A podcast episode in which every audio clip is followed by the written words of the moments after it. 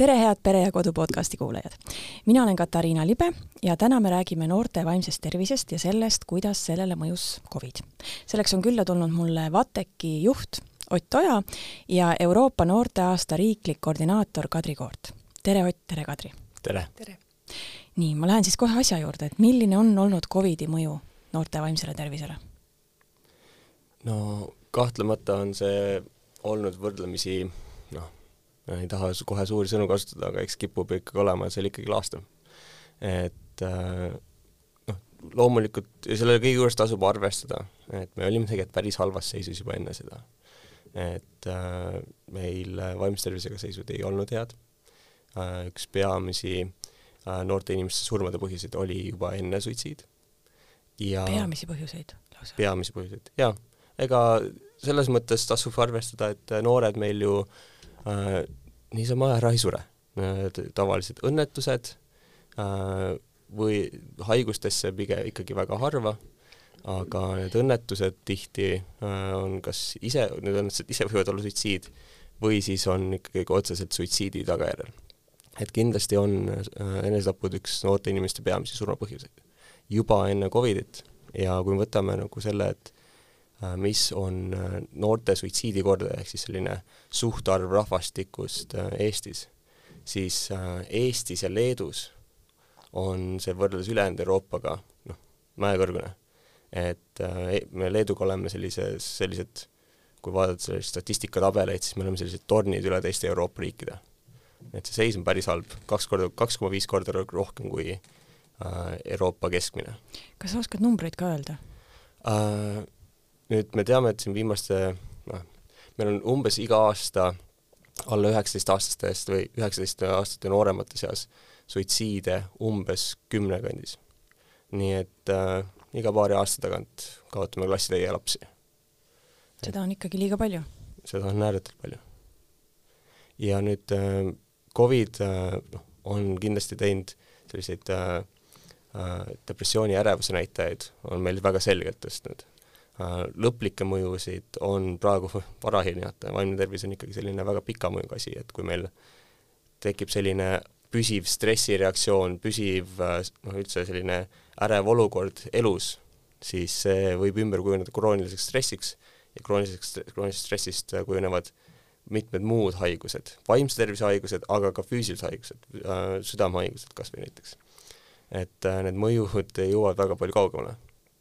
ja mis siis noortele eriti just mõjus, on see, et esiteks äh, nende elu oli ikkagi üks äh, nagu nii-öelda terviku grupina üks enim pea peal lööduid.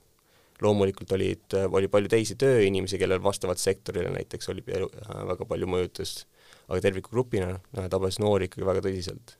ja mis on hästi oluline arvestada, on see, et noorte arengu jaoks on hästi-hästi oluline see kokkupuude kaaslastega see on see, kus see noore isiksus kujuneb, see on see, kus ta ennast valideerib. see ei ole vanemad, see ei ole õpetaja, ammugi mitte õpetaja Zoomi otsas,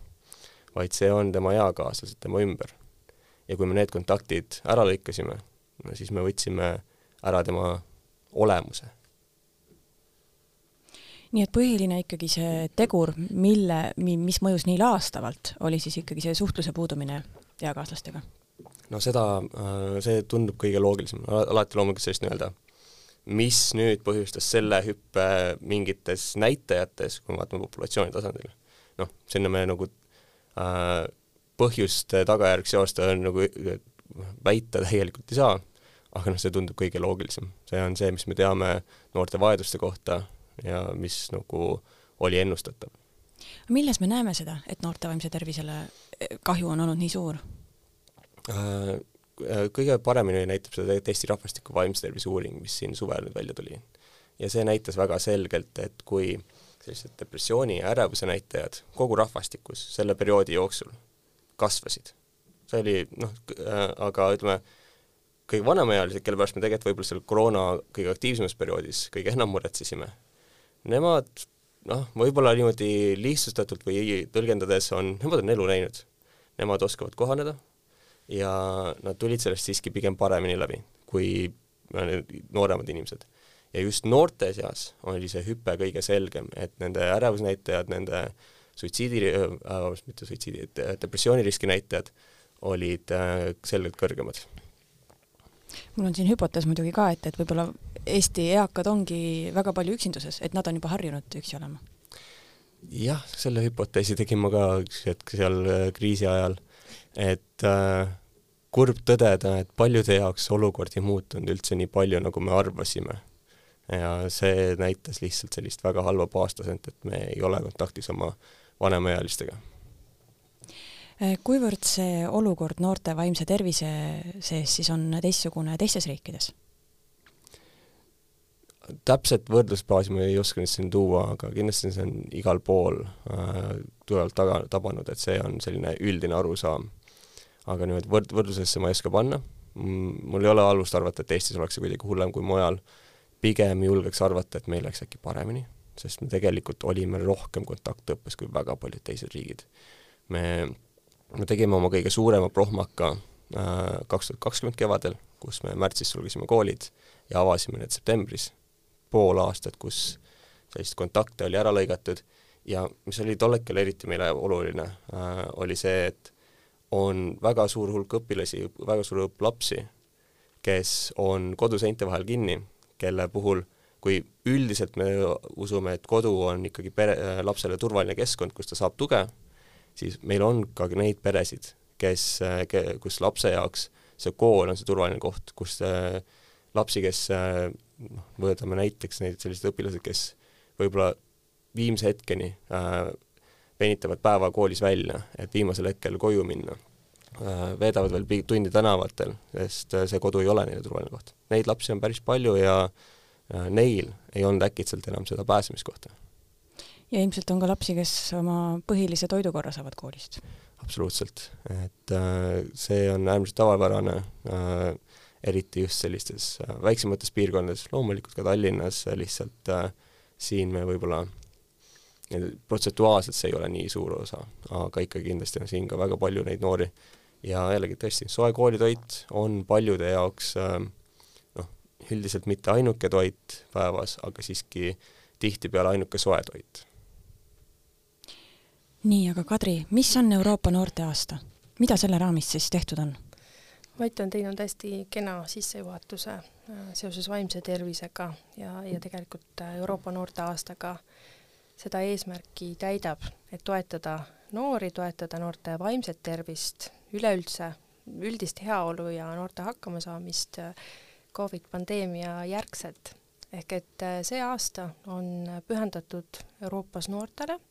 et tuua noored tagasi nende võimaluste juurde, mis olid neil enne või kus nad osalesid enne või, või mis olid neile enne kättesaadavad. ehk siis seesama sotsiaalne suhtlus,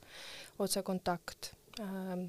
koos tegutsemine, koos toimetamine, arutamine, kõik see, mida üks inimene vajab selleks, et äh, tunda ennast hästi, et äh, oma heaolu oleks tagatud.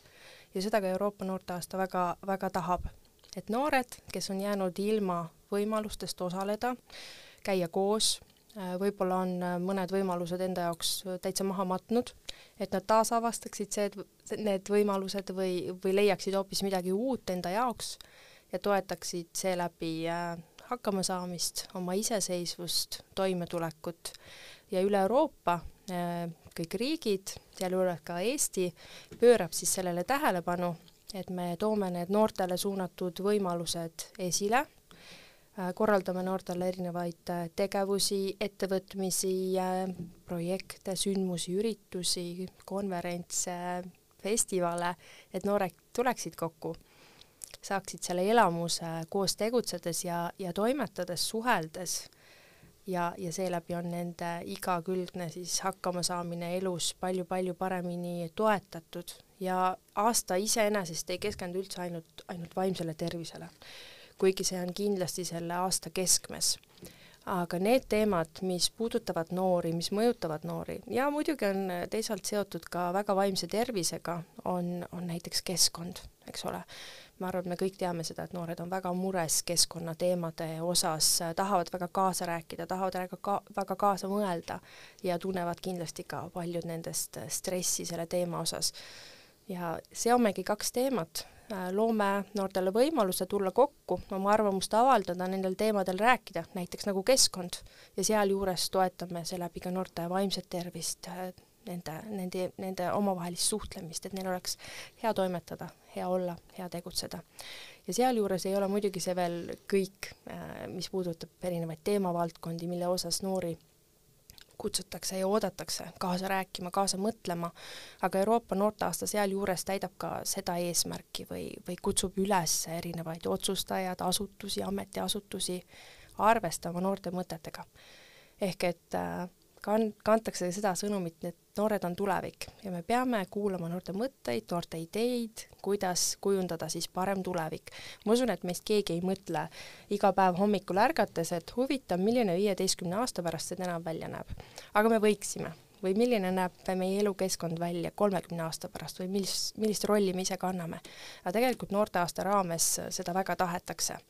kuulata noorte mõtteid ja ideid, milline oleks ja on parem tulevik. Ja kindlasti selle üheks keskmeks on vaimne tervis, kui me räägime sellest, et kuidas noored elavad tulevikus, millised inimesed nad on, millised võimalused nad on, kus nad kaasa löövad, mida nad arvavad, mida nad mõtlevad, kuidas nad tahavad ühiskonnas kaasa teha äh,, olla aktiivsed kodanikud. Ja tegelikult ka seda Euroopa noorteaasta endast kannab, ehk et kuulame noori kuulame, mis mõtted noortel on, mida noored tahavad, mida noored vajavad ja kujundame siis seeläbi sellise tuleviku, sellise elukeskkonna, kus on hea elada, kus on hea toimetada, kus on mõnus olla, kasvatada oma lapsi, käia tööl, käia koolis, õppida ja nii edasi, panustada aktiivselt ühiskonda. Ja see kõik on selline suur tervik, mis, mis toetab iga noore hakkamasaamist täna ja mis toetab siis noorte hakkamasaamist ka tulevikus, kui nad on otsustajad, kui nad töötavad erinevates ametites, kui nad, ma ei tea, on aktiivsed kodanikud ja nii edasi. ehk et äh, noorteaasta moodustab noorte jaoks ühe terviku, et noori toetada täna Covid pandeemia järgselt, aga ka kujundada siis üheskoos tulevikku, kus on parem elada, turvalisem, digitaalsem, vaimset tervist, üleüldse tervist, heaolu toetav ühiskond, kust koos elada, toimetada. aasta hakkab nüüd juba varsti lõppema, et äh, kui küsin konkreetselt, et mis siis näiteks Eestis äh, toimus siis äh, selle aasta vältel, kui me räägime näiteks sellest samast keskkonnast või võimalusest keskkonnateemadel kaasa rääkida? toimunud tegevusi on üsna mitmeid, palju, aasta tõepoolest on, on kohe-kohe lõppemas ja noorteaasta raames on toimunud noortele mitmeid äh, sündmusi, kus tõesti on saanud noored kaasa rääkida või kaasa tegutseda. näiteks suvisel perioodil, mis on kindlasti kõikide noorte jaoks üks oluline aeg, kus puhata, kus ennast laadida, aga samas on see väga hea aeg ja koht, kus kohtuda teiste noortega, suhelda, toetada oma tervist, oma heaolu, toimusid näiteks Eestis noortefestivalid üle Eesti erinevates piirkondades, kus siis räägitigi noortega vaimsest tervisest, digitaliseerumise väljakutsetest ja võimalustest, keskkonnateemadel, rohepöörde teemadel ja kus siis toimusid erinevad töötoad äh,, arutelud äh,, erinevad äh, tegevused, mis siis ühel ja teisel viisil toetavad esiteks noorte informeeritust nendel teemadel, mis on vaimne tervis, kuidas ma saan ennast toetada, millised on keskkonnateema all ohud, võimalused ja nii edasi, aga samas oli võimalus ka rääkida kaasa, avaldada oma arvamust erinevatel teemadel. ja üks suurimaid sündmusi, tegevusi sellel aastal oli äh, noorteala korraldamine Arvamusfestivalil Paides, kus siis kahe päeva vältel toimusid äh, temaatilised arutelud koos noortega erinevatel teemadel ja, ja seal oli siis tõesti koht ja aeg noortele kaks päeva, kus rääkida kaasa mõelda kaasa ja, ja saada siis osa nendest, nendest aruteludest. ma tahaks lihtsalt selle keskkonna, eriti just meie äh, igapäevase elukeskkonna teemal natukene nagu kaasa kajada just selles osas, et me kipume väga alahindama seda, et kuidas meie selline tavaline linnaruum kas või mõjub meie vaimsele tervisele. et ka, kas see, et kas seal on rohelust üleüldse näiteks, et, äh, et kas meil kasvavad siin puud, kas ma tunnen ennast siin mõnusalt, kas seal on vaikne, kas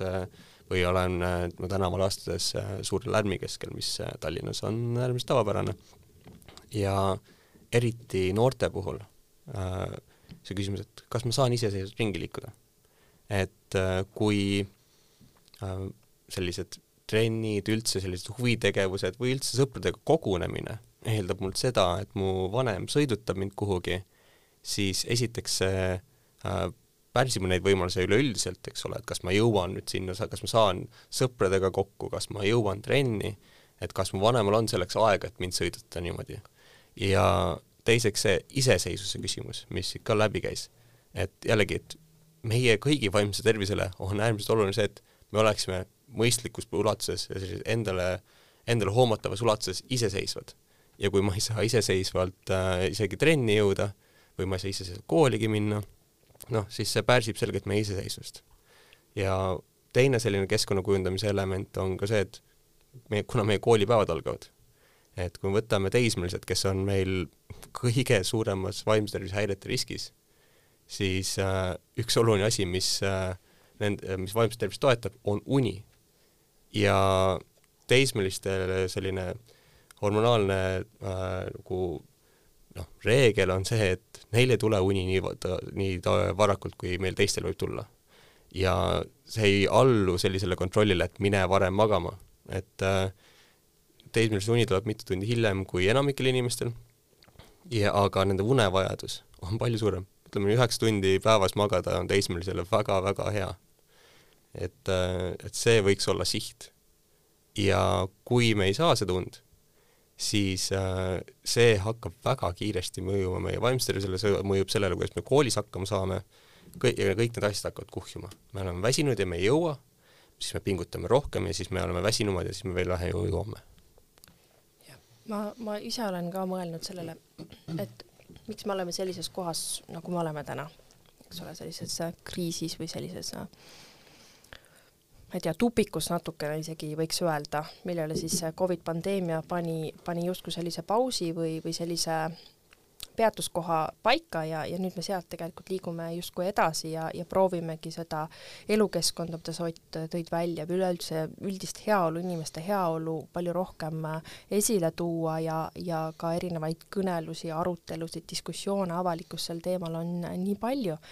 siis ma olen ise jõudnud oma mõtisklustes äh, sinnamaani, et ju siis oligi kõik see kumm viimasel piiril, kus üldse saab olla, et äh, tehnoloogia äh, keskkond, kõik on arenenud nii kiiresti ja, ja justkui nagu ühes suunas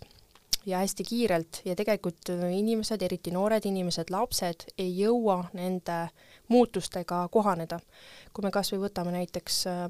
muutused äh, linnaruumi äh, osas, linnad pidevalt suurenevad, nii nagu Ott tõi välja, et võib-olla selline iseseisvus on tihtipeale ka takistatud, sest et vahemaad on nõnda kauged. ja see kõik on juhtunud ju väga hiljuti ja me peame sellega lihtsalt kohanema. ja samamoodi struktuurid, mis toetavad siis õppimist või huviharidust, trennis käimist, täpselt samamoodi peavad selle arenguga käima kaasas, kas nad käivad kaasas, seda me siis saame, saame hinnata selle pinnalt, et kui tõesti, kui kättesaadavad erinevad võimalused on enda tervist, vaimset heaolu, üleüldist, üleüldist heaolu toetada, aga teisalt näiteks ka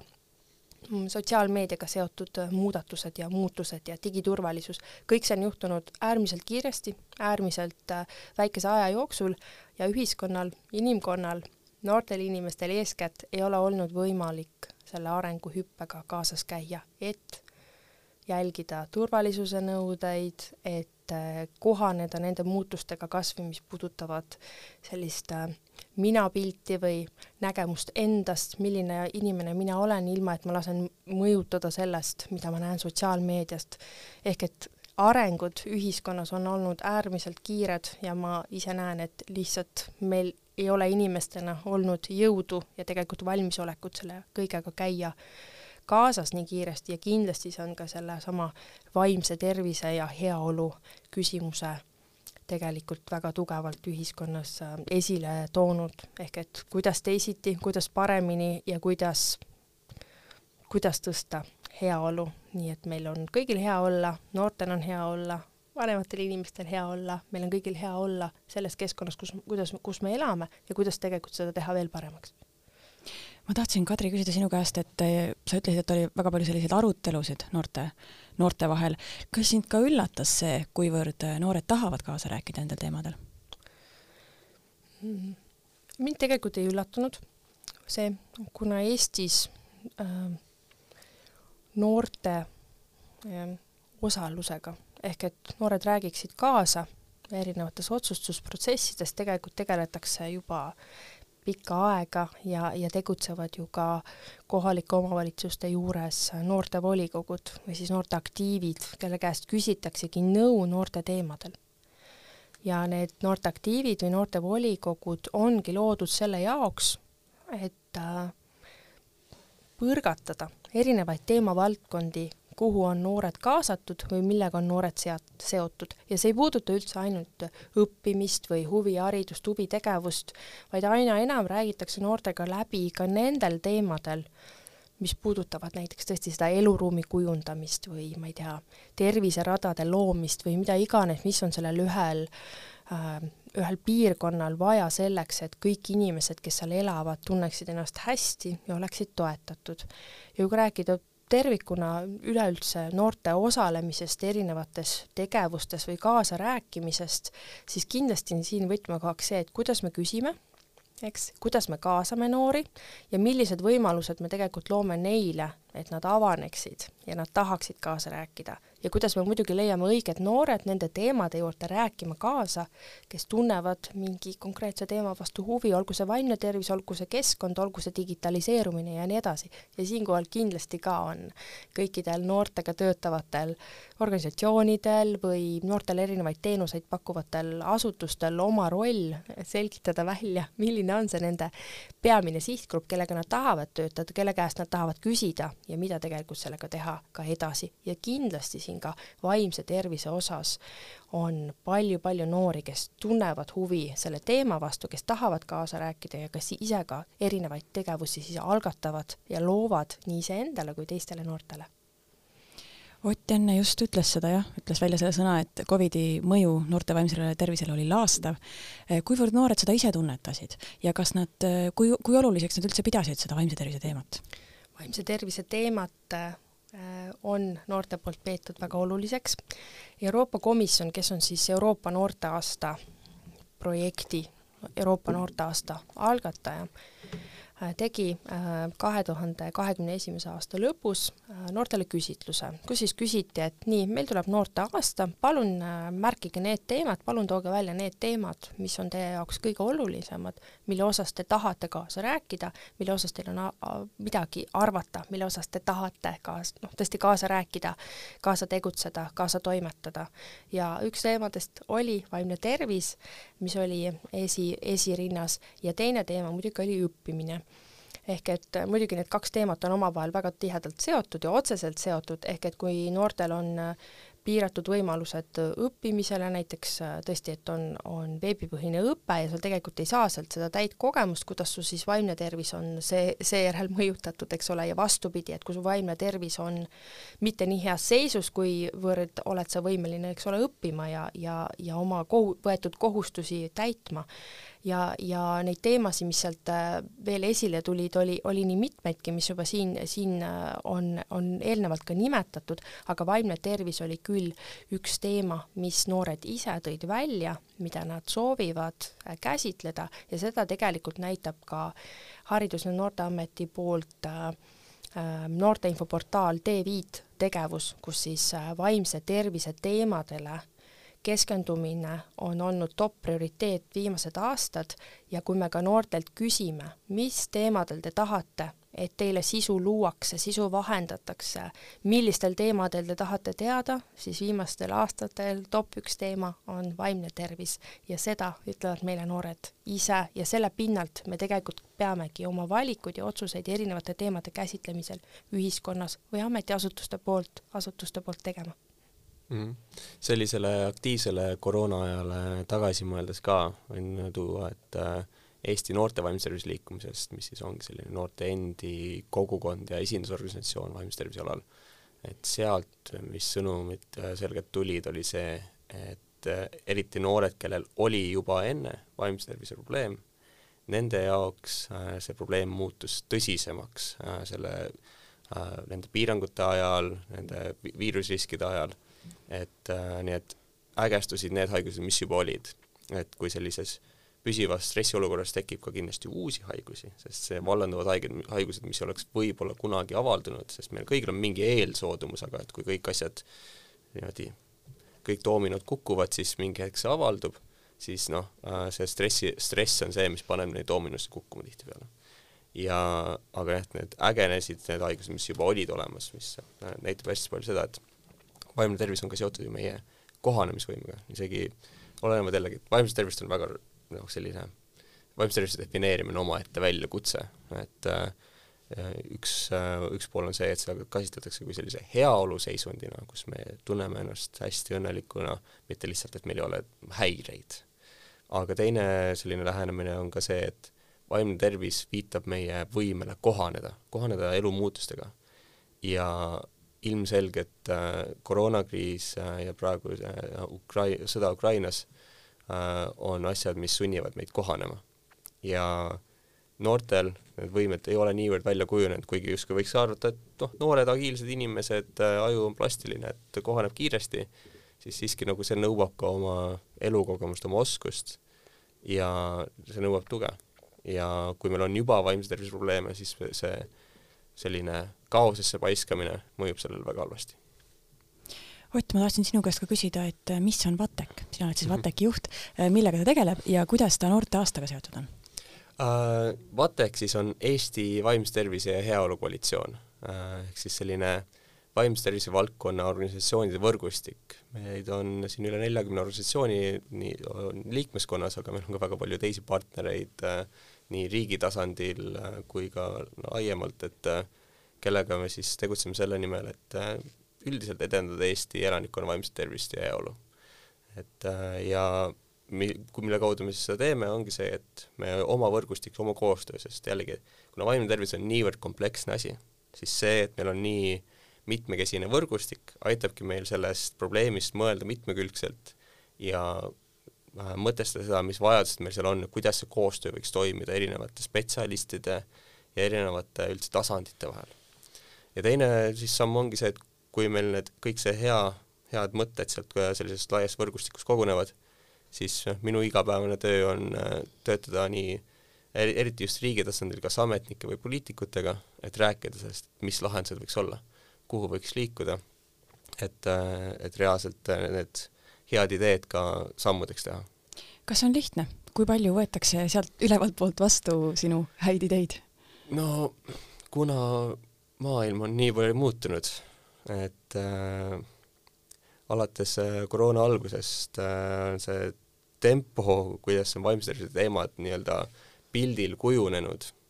on nii palju muutunud, et äh, tänaseks on võimalusi midagi ära teha rohkem, kui meil endil on jaksu. Et äh, et äh, kui siin varasemalt pidid äh, rohkem tegelema sellega, et selgitada, miks see teema on oluline, siis nüüd riigi tasandil, poliitikute tasand, tasandil väga hästi mõistetakse, et jah, see teema on oluline, sellega on vaja tegeleda ja see on väga tugevalt ka selle pealt, et inimesed väärtustavad seda. see, et keegi oma kodus peab seda vaimse tervise teemat oluliseks, kui neid inimesi on palju ja neid on täna väga-väga palju, siis see on äkitselt oluline tervele riigile. ja me saame palju enam teha, kui me oleks saanud teha kolm aastat tagasi sest tegelikult seda vaimse tervise valdkonda me oleme üritanud siin kollektiivselt edendada aastakümneid. ja oleme ka suutnud aastakümneid teha põhimõtteliselt paigalseisu, kui me oleme, räägime nii-öelda riigi perspektiivist. arengud olid äh, kuni siin ütleme äh, kaks tuhat seitseteist natuke peale aastateni, olid arengud peamiselt sellest, et valdkonnas olid lihtsalt piisavalt entusiaste, kes äh, nii-öelda riigi, riigisektori väliselt seda kogu asja, kogu valdkonda arendasid, edasi viisid. ja tegid väga, väga palju ära, aga see oli, lõpuks oli puudu selline süsteemne riigi tasandil juhtimine. see on meil tekkinud siin viimase paari aastaga, sellest aastast on meil Sotsiaalministeeriumis näiteks vaimse tervise osakond. ehk siis meil selle asemel, et meil oli varasemalt äh, noh, sisuliselt äh, üks ametnik, kes äh, täisajaga töötas selle kallal, et kuidas meie vaimse tervise süsteem toimib. Siis nüüd on meil terve osakond ja see on hästi oluline, sest äh, nagu ma rääkisin, see probleem on nii mitmekesine, nii, nii kompleksne, seda ei saa lahendada Sotsiaalministeerium. seda ei saa üksi lahendada ka Haridusministeerium, seal on vaja kõik ministeeriumid kokku tuua, seal on vaja, sest meil on vaja seda vaimse tervise poolt edendada igal pool, sest me ei saa keskenduda ainult ravile. kui me keskendume ainult ravile, siis äh, me see, noh, me ei, meil ei hakka kunagi olema nii palju see läheb ka väga kalliks maksma. see läheb väga kalliks maksma väga,, väga-väga kalliks maksma ja meil ei hakka kunagi olema nii palju psühhiaatreid ja kliinilisi psühholooge, et äh, ilma ennetuse pooleta, ilma varajase sekkumise pooleta äh, neid inimesi toetada, ära ravida. et see ja jällegi, siis me jällegi tegeleme tagajärgedega me peaksime tegelema sellega, et me tegelikult kõik kasvaksime, kõik ole, elaksime sellises tervislikumas keskkonnas, sellises, mis äh, kus me lähme õue, me tunneme, et me saame siin olla, meil on head suhted, meil on head peresuhted äh, ja me oleme võimelised ise oma emotsioone näiteks juhtima. nii et tuleb välja, et koroonast oli siis ikkagi mingit kasu ka, kui see lükkas mingid rattad käima uh,? Jaa, selles mõttes on see, et uh, me ei, me ei saa sellest üle ega ümber. me vist oleksime ikkagi samas seisus, kus me oli, olime kolm-neli aastat tagasi vaimse tervisega, kui ei oleks tulnud see koroona tähelepanu. et sest kriisist olime ammu rääkinud, me probleemid, mis on, mida me täna lahendame, olid olemas kakskümmend aastat tagasi. ja äh, kui meil ei oleks praegu seda tähelepanu tulnud, siis nad oleks siin ikkagi veel aastaid äh, püsinud nüüd me reaalselt tegeleme sellega, mit-, mingite asjade lahendamisega me oleme hiljaks jäänud, näiteks psühhiaatrite koolitamine, äh, noh, see võtab äh, väga pika aja äh, ja neid, selliseid tipptaseme spetsialiste tuleb kindlasti aeglaselt juurde. aga kui me täna sellega tegeleme, siis mingi aeg nad on olemas. aga samamoodi me peame täna väga selgelt investeerima ennetusse ja jällegi ennetus on see, et me loome endale tegelikult elutervet keskkonda, me loome endale terveid peresid. Kui palju sina selles valdkonnas sees olles näed, et äh, mil määral on mõjutanud Ukraina sõda äh, eestlaste vaimset tervist? seda on väga raske hinnata ja just selle osas, et ühelt poolt nii-öelda noh, üritades kuidagi toetuda uuringutele, siis uuringute vaatest on see võrdlemisi uus ja teistpidi on see, et see on sellises üldises äh, stressifooni keskkonnas, kus koroona äh, nagu stressorid hakkasid umbes sellel ajal vaikselt nagu kaduma, et ei olnud nii, nii akuutsed enam, ja siis samas tuli selline väga tõsine sõjaoht juurde, et äh, aga praegu tundub, et Eesti elanikkond on sellest pigem äh, hästi läbi tulnud, vähemalt mina ise jälgisin just sellel perioodil, et ma väga lootsin, et ei teki neid samu vigu äh, riigi tasandil juhtimises, mis olid äh, koroonakriisiga, ehk siis sellised pidevad kommunikatsiooniprobleemid ja mul on tunne, et Eesti riik sai sel, selle korral sellega väga palju paremini hakkama ja inimesed teadsid paremini, mida teha. loomulikult äh, need hetked, kui tulid sisse jutud tuumasõjast, noh, see on ilmselgelt ärevust tekitav samas mulle tundub, et see murefoon on praegu peamiselt lahtunud, et äh, selline pikaajaline vaimse tervise mõju, noh, ma ei julge seda kindlalt ennustada, aga ma tahaks uskuda, et see nüüd ei tule nii terav, kui meil tuli koroona mõju teatavasti äh, oli oktoober vaimse tervise kuu. mida see tähendab, mis selle raames siis toimus? jaa äh,, vaimse tervise kuu on miski, mida VATEK on äh, siin, mille korraldamist on VATEK siin eest vedanud viimased kaheksa aastat ja iseenesest äh, vaimse tervise kuu ongi lihtsalt see hetk, kus me tõstame selle teema tähelepanu äh,, tõstame selle, selles erinevad ressursid fookusesse, et äh, mis me oleme just tahtnud teha, ongi see, et tegelikult meil on hästi palju inimesi, spetsialiste õpperessursse täiesti olemas Eestis. aga nendeni on raske jõuda, sest inimesed lihtsalt ei tea, kust otsida. ja me tahame just selle vaimse tervise kuul neid kõiki erinevaid võimalusi esile tõsta, et kui sel aastal oli fookuses tundetarkus, siis me eriti just proovisime näiteks koolidele esile tõsta materjale, kus, kuidas õpilastega õppida sellest tundetarkusest ehk emotsionaalsest intelligentsusest. me üritasime esile tuua spetsialiste, kes selle teemaga töötavad ja tänu sellele oligi, et üle Eesti toimusid väga paljud üritused, äh, mis äh, siis üritasid eelkõige seda tundetarkust inimestes edendada ja luuagi inimestele seda kontakti, et näed, minu kodu lähedal tegelikult on selline organisatsioon, mis tegeleb selle, selle teemaga ja võib-olla saan tulevikus sealt veel õppida või et selles veebilehes siin on materjali, mida ma saan veel tutvuda. mul on hästi hea meel näha, et äh, siin kuu lõpupoole on alanud Tervise Arengu Instituudi kampaania, mis samamoodi neid äh, selliste äh, laste vaimse tervise, laste emotsioon, emotsioonide juhtimise osas on just äh, tõstatanud äh, tarkvanem.ee veebi. Jällegi leht, äh, kus on üüratult palju ressursse vanematele, et et loodaks, et väga, et kõik vanemad ikka järjest sinna tarkvanem.ee-sse jõuaks. mis puudutab laste ja noorte äh, teadlikkust vaimse tervise teemadest, siis aastatega, viimaste aastatega on äärmiselt palju tõusnud ja nii nagu Ott viitaski, et tegelikult tehakse väga erinevaid tegevusi läbi erinevate kampaaniate või tõesti on erinevad veebilehed ja materjalid olemas, millega saab ise tutvuda ja tõesti leida kas sealt abi või, või selle niidi otsa, eks ole, kust äh, minna edasi. ja, ja minu arust on noh, rõõm näha äh, meie noorte erinevaid tegevusi olgu see siis vaimse tervise kuu raames või mis iganes äh,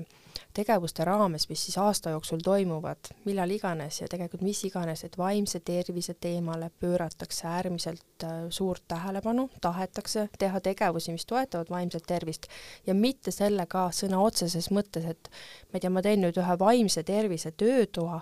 vaid et see vaimne tervis kui teemavaldkond on seotud juba erinevate teemade sisse ehk et ma teen arutelu mis iganes teemal, parasjagu tundub, et võiks teha noortega või mille osas nad on näidanud üles huvi, olgu see keskkond või ma ei tea, noorte osalus või, või mis, ma ei tea, kas või kokandus. Eks, aga ma seon selle vaimse tervise teema juba sinna sisse. ma juba arvestan ajaliselt ja ma juba arvestan oma siis äh, ma ei tea, struktuuri või mingisugust ajakava ülesehitatust, ülesehitamist selle selles võtmes, et ma seon selle vaimse tervise teema sinna sisse, see on see, mida mina näen ja mida ma olen kogenud valdkonnas, ehk et see juba on muutunud nii tavapäraseks, et me juba arvestame sellega ja toetame noh, sõna otseses mõttes maast madalast. Iga lapse, iga noore, iga vanema teadlikkus sellest teemast. ehk et see teadlikkuse kasv on viimastel aastatel olnud nii suur ja seda nagu loomuliku osana igapäevastes tegevustes arvestatakse ja võimestatakse seda teemat, et igaüks on toetatud, saab tuge või leiab siis need erinevad võimalused ühe või, või teise ürituse, sündmuse või veebilehe kaudu üles. see on positiivne ja minu arust on see väga suur tunnustus ka kõikidele vaimse tervise teemadega tegelevatele organisatsioonidele, et see on nii tugevalt kandnud äh, äh, ka, ka, kanda kinnitanud meie ühiskonnas ja kõikide, kõikide vanusegruppide ja kõikide, kõikide osapoolte seas tõesti, et see paistab väga hästi silma Ott, ma tahtsin veel seda küsida, et eh, enne seda, kui me panime mikrofonid salvestama, eh, tuli jutuks siis see, et vaimse tervise kuu raames siis püünele ei pääsenud ehm, tegijad, kes kaldusid eh, liiga esoteerikasse. et kuivõrd sa üldse näed see, sellele valdkonnale mõeldes ohtu siis ehm, väga esoteerilistest õpetustest või praktikatest, sest et noh, nagu sa ise mainisid, siis vaimse tervise spetsialiste on liiga vähe ja nende juurde ei pääse väga kergesti, aga samas on selliseid tegijaid, kes lubavad väga kergesti kõik vaevused ära võtta ja nende juurde pääseb väga kergesti siis suure raha eest. jaa äh,, vaimses tervises või tervises üleüldse on äh, selline hästi oluline printsiip, on, et ära tee kahju ja see on üks asi, millest me Vatekis väga tugevalt lähtume, mis äh, on standardid, mida me seame igale liikmele, igale partnerile. Ja mis selliste esoteeriliste praktikate puhul on äh, kõige suurem oht, ongi see, et äh, oma suurest heatahtest, soovist inimest päriselt aidata, me tegelikult teeme talle kahju oma teadmatuses, eriti selles teadmatuses, kus me ei suuda tuvastada, kui inimesel on äh, reaalselt tõsine abivajadus ja proovime seda abivajadust lahendada mingit viisi pidi, mis ilmselgelt sellele ei sobi, ilmselgelt siis äh, sellisele näiteks valdkonna spetsialistile, inimesele, kes on õppinud, et kuidas äh,, kuidas märgata seda abivajadust. et ja eriti äh, me teeme ka, on see kahjuoht siis, kui me tekitame veel lubadusi selle kohta, et me nüüd ravime ära kellegi depressiooni, me ravime ära kellegi ärevuse või äh, posttraumaatilise stressihäire näiteks, mis siin hiljuti just kokku puutusin jällegi, et äh, kus jällegi praktika puhul, millel mingit nagu äh, tõenduspõhist tausta ei ole, lubatakse väga palju ja kui sa ei suuda neid tulemusi kuidagi tõendada,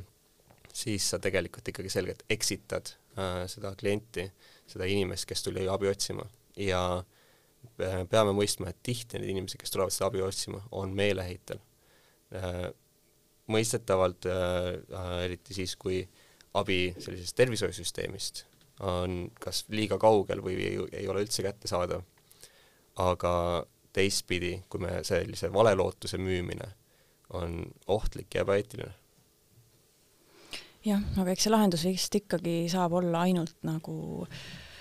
tervishoiuvaldkonna poolt, et neid spetsialiste tekiks rohkem ja et inimesed saaksid abile või noh, päris abini paremini äh,?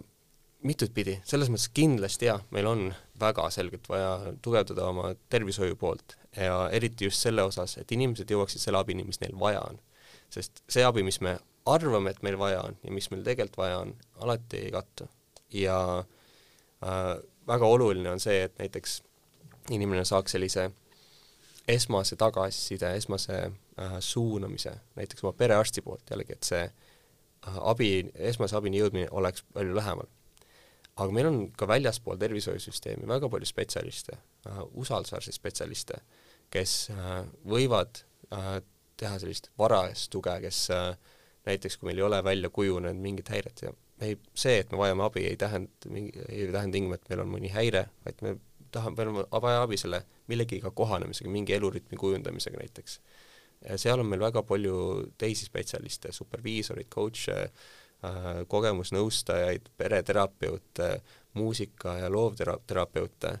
et asi on ainu-, väljakutse on siis selles, et et inimene oskaks neid leida ja teaks, kuna kellegi poole pöörduda ja eks meil on selle osas, on ka raske inimestel äh, orienteeruda, et tuvastada, missugused spetsialistid nüüd need usaldusväärsed on. sest äh, jällegi, kui me läheme selle esoteerika poole peale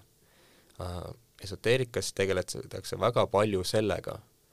et äh, näida hästi legitiimsed, et äh, teha oma sellised äh, erialagrupeeringud, teha oma litsenseerimised ja see jällegi näitab neid justkui legitiimsena, sest keegi on väljaspoolt kinnitanud, et see spetsialist on hea spetsialist, aga et see väline kinnitus ei pruugi ka ise olla usaldusväärne. et ja see on üks selgus, mis me üritame valdkonnas teha ja see on üks standard, mida me näiteks seame kindlasti oma liikmetele jah, sest kui sa lähed mõne sellise esoteerilise tegija äh, lehele, siis seal on tavaliselt väga palju äh, diplomeid, mis ta on erinevatelt koolitustelt saanud. jah, ala-, väga tihti ja, ja me ei saa eeldada tavalisest inimesest, et ta suudab eristada selle, et mis on nüüd selline legitiimne, päris äh, usaldusväärne allikas sellele diplomile ja mis on äh, kas või isegi mingi rahvusvahelise äh, esoteerilise organisatsiooni kas e-koolitus või noh, tihti on need väga põhjalikud haridused ja koolitused, sest jällegi need inimesed, kes seda abi pakuvad, tihti ise, üldiselt vähemasti, ise usuvad sellesse, et see pakub abi. kuid äh, see ongi see element, et me peame ka väliselt hindama, et kas see päriselt on hea mm. -hmm. no näiteks tulles siis terapeudi ametinimetuse juurde, mida tegelikult sisuliselt võib igaüks kasutada? absoluutselt, et äh, jällegi meil on mõningateks teraapiateks on äh, näiteks kutsed olemas äh,, sellised ehk siis kutsekojas, mis on selline hea usaldusväärne nagu väline kinnitus, samas äh, no väga paljude jaoks ei ole ja äh, siin on jällegi see koht, kus meie töötame erialaliitudega, et et veenduda, et erialaliidud ise jälgiksid, et inimesed, kes äh, ennast mingi erialaga näiteks pereterape-, pereterapeudina tutvustavad, et, et kas need inimesed on koolituse läbinud, tihti nad ise haldavad mingeid registreid, et kes on kvalifitseeritud spetsialist hästi, aga tulles nüüd ikkagi tagasi selle Covidi mõju juurde noorte vaimsele tervisele, siis ma tahaks küsida üsna siis lõpetuseks sedasi, et mida saavad lapsevanemad ära teha nüüd, et seda, seda mõju kuidagi vähendada, neutraliseerida? Äh, noh, lastevanematel on kahtlemata hästi oluline roll. samas on äh, on keeruline, et see nõuab, noh, nõuab natukene oskusi ja kindlasti nõuab aega et, äh, et see aeg, et äh, võtta neid äh, vestlusi, küsida, kuidas läheb ja mitte leppida lihtsalt sellega, et läheb hästi, mäletan, ma ise olin õpetaja ja mul läks päris pikalt aega, et need õpilased, kes minuga regulaarsemalt vestlema tulid ja kui ma küsisin neilt, et kuidas läheb, vastasid hästi,